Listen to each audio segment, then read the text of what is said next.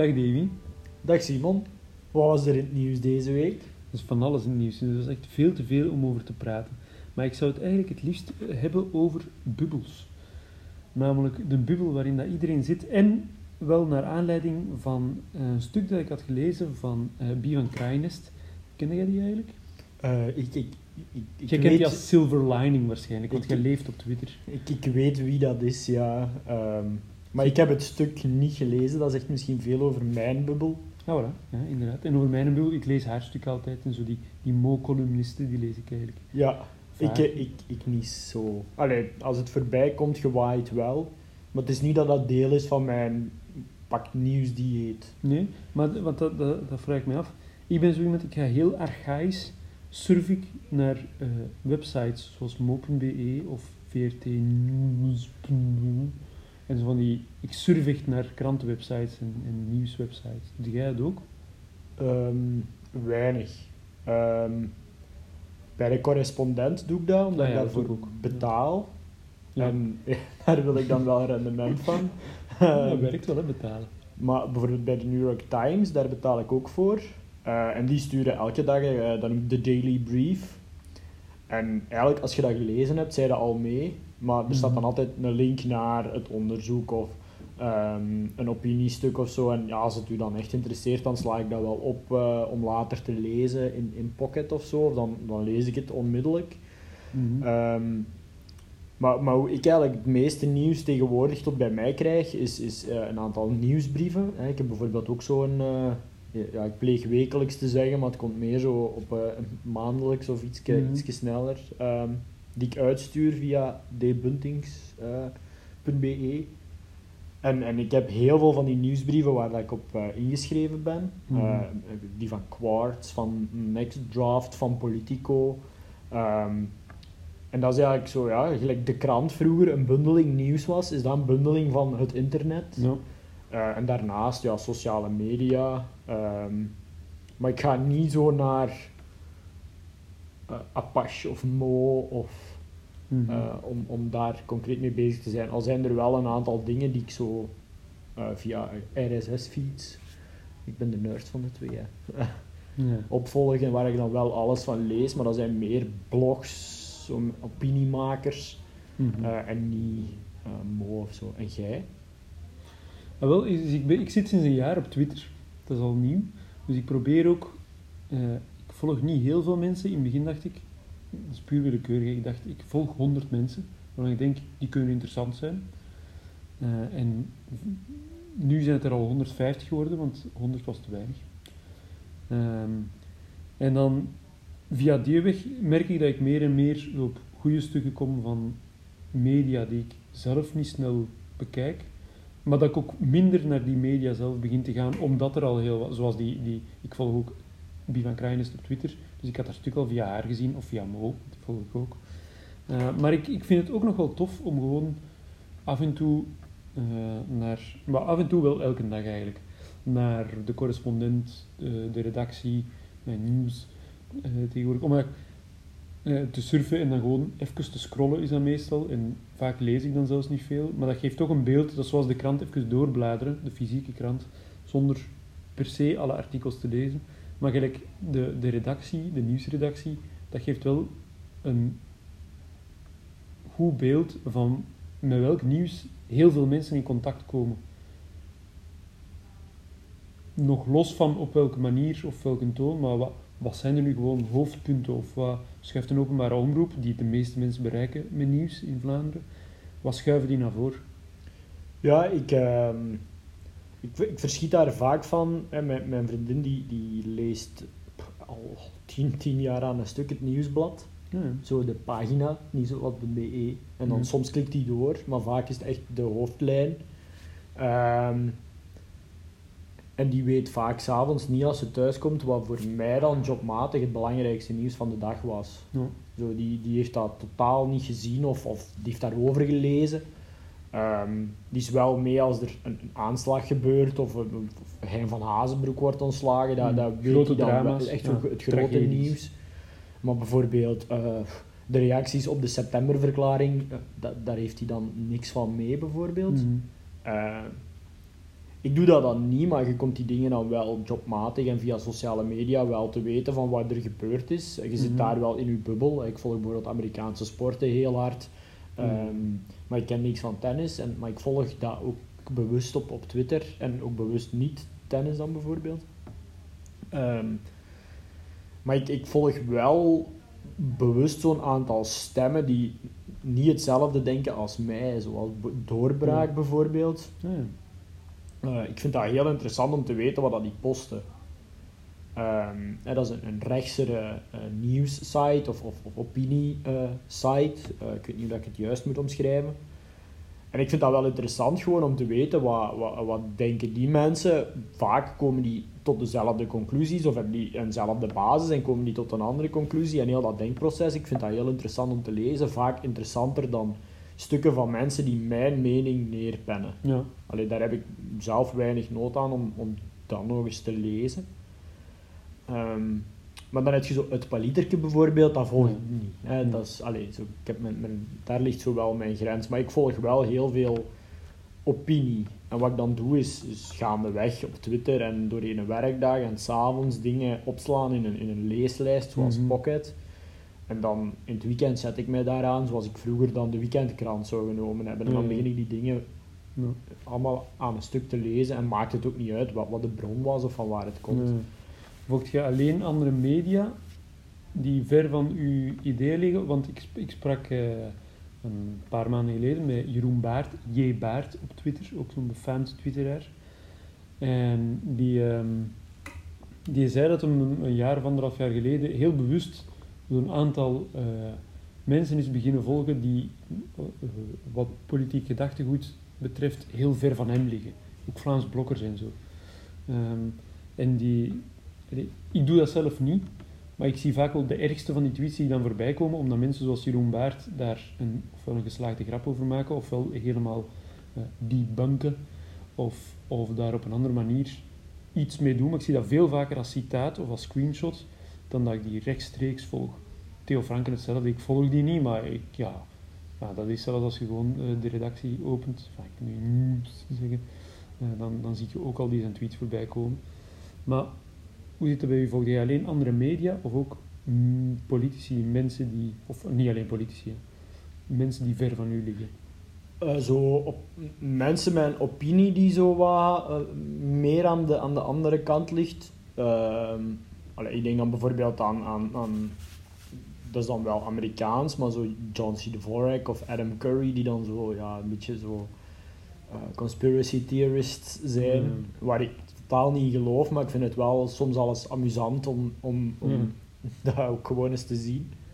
Ehm, die durf ik wel volgen, maar ik ga zo niet omdat ik ook vind dat de, de toon van het debat echt zo uit elkaar drijft. En, en ik heb geen nood aan, aan politici die een andere kant per se belachelijk willen maken. Of, of medewerkers. Hè. Je hebt zo... Allee, ik, ik, ik moet ze nu niet, niet per se bij naam noemen, maar aan, aan, de, aan de beide kanten. Maar, maar aan de rechtse kant zitten, zitten genoeg mensen die het continu hebben over de geitenwolle sokken bakfietsrijders. En Mhm. oh, hoe komen ze er toch bij van het weer over de rijken te hebben, terwijl zo... Ja, dat, dat is zo helemaal niet de essentie. Zo. De, Nee. het zit dan vol met, met, met die vooroordelen, met, met voorafnames, met intentieprocessen die keihard van de pot gerukt zijn om, om hun gelijk maar te staven. Dat doe ik bewust niet. Ehm, Nee, maar maar ik heb dat wel een tijd gedaan, zo, zo mensen die, die in Mechelen dan woonden, ehm, die, die ja, eerder zeer rechts zijn, om die wel te volgen, gewoon om te zien waar, waar is die mee bezig heel de dag. Mhm. Ja, want mijn dag gaat misschien over andere dingen dan die een andere mens, en dat maakt het ook een sociaal medium, maar daar ben ik wel bewust mee gestopt, zo, met wat Jeroen dan eh, Ja. doet. Ah, wat ik ook, want dat is mijn overweging. Ik wil zeker in een digitale wereld, want zelfs komen we bij de andere wereld, eh, denk ik. Zeker in een digitale wereld, en zeker op Twitter, ik zit zelf niet op Facebook, eh, maar zeker op Twitter is dat, zijn dat vaak zo'n loopgravenoorlogen, waar ik veel meer heb aan fijne nieuwe beelden, die ideeën waar ik achter sta, nog eens versterken. Eh, bijvoorbeeld, ik volg wel mensen die, die heel erg met fietsen bezig zijn, fietsen in de stad en zo. En, ehm, en daar zie je soms zo heel goede cartoons of foto's of leuzes of nieuwe onderzoeken die ik heel interessant vind, die helemaal in de lijn liggen van wat ik denk, maar die dat wel versterken en die mij nieuwe, nieuwe voeding geven. En dat vind ik veel...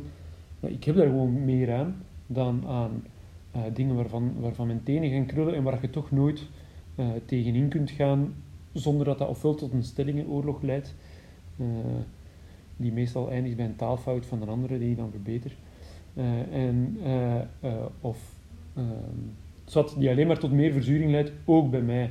En dat is, want, want, want, dat is waar dat van Kraaienest terug eraan te pas komt. voor de mensen die haar niet kennen, dit is ik weet niet, tien jaar of zo coördinator van Chicago geweest, een jeugdhuis in Brussel.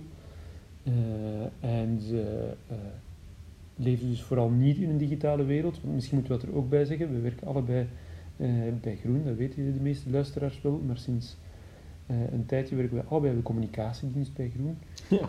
Wie had dat gedacht toen we met deze podcast begonnen? ja, luttele maanden geleden.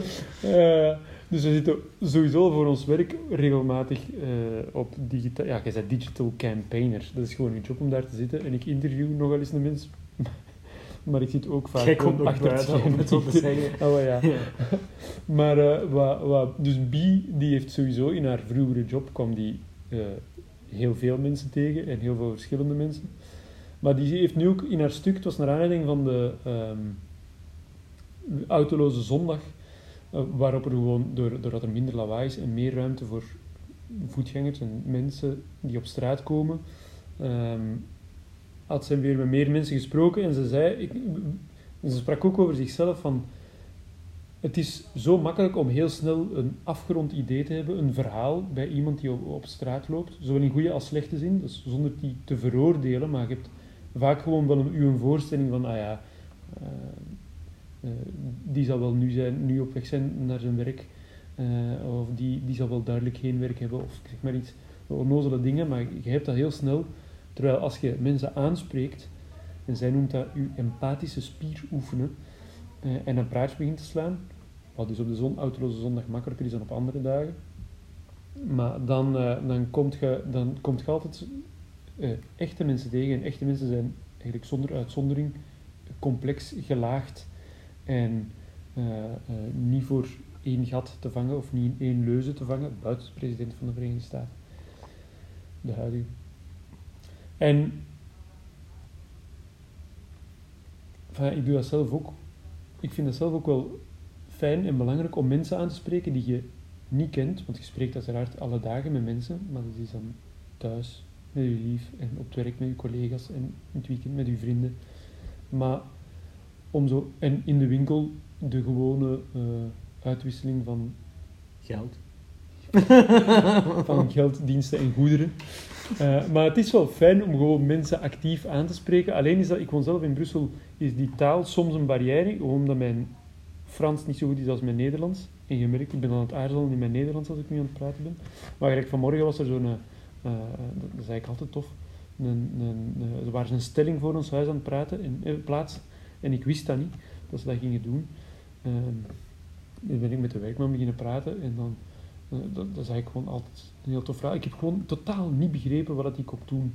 Het waren zo vaktermen in het Frans en ik vrees dat ik het zelfs in het Nederlands niet had begrepen. Maar ik denk dat ze iets zo aan de, de vensterbank komen doen. Maar je begint er dan mee te praten en dan, ik, was, ik ging mijn, mijn dochter naar de crash doen, maar ik was haar een helm weer al vergeten met de fiets.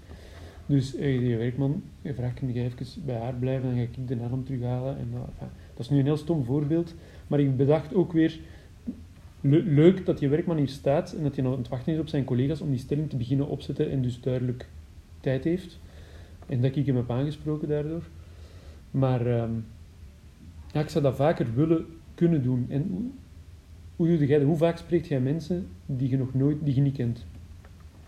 En met spreken bedoel ik echt wel ja, geïnteresseerd voor, en langer dan een minuut spreken. Voor mij is dat eigenlijk de reden geweest waarom dat ik... Uh, ja, in mijn vorige job had ik uh, regelmatig avondvergaderingen en dan uh, ja, begint je bijvoorbeeld pas in de namiddag te werken of eh, ja, je blijft tot middags werken en dan gaat je naar huis. En dat ik ja, eigenlijk in een vaste koffiebar in Mechelen aan de toog ging zitten. Mm -hmm. En ja, daar komen mensen bij zitten en ik denk dat ik elke week wel iemand had die ik niet kende, die daar kwam. Maar natuurlijk, de Mhm. reden om te blijven gaan is dat je die mensen die je niet kende, stilaan begint te kennen. En Ja, ja. die vallen goed mee en je blijft gaan. Ehm, en dat is voor mij wel altijd tof om daar gewoon te gaan zitten. En ja, dat is zo... Dat is een duiventil die een toog. Dat zijn mensen van alle, alle allooi, alle kanten van, de, van, van Mechelen. Het zijn allemaal Mhm. mensen die wel 3 euro voor een koffie kunnen betalen. Dus allee, dat is wel niet een dwarsdoorsnede van de bevolking. Maar dat is voor mij het leuke aan ja, wat ik dan naar de Yves gaan Mhm. noem. Want de uitbater noemt Yves. En, en ik zie dat eerder zo als mijn sociaal bad dan zo pakweg Twitter of zo. Mhm. Maar ik vind wel, Twitter is zo heel hard geëvalueerd, geëvolueerd naar die bubbels. Maar in het begin had je gewoon de Vlaamse Twitter-gebruikers.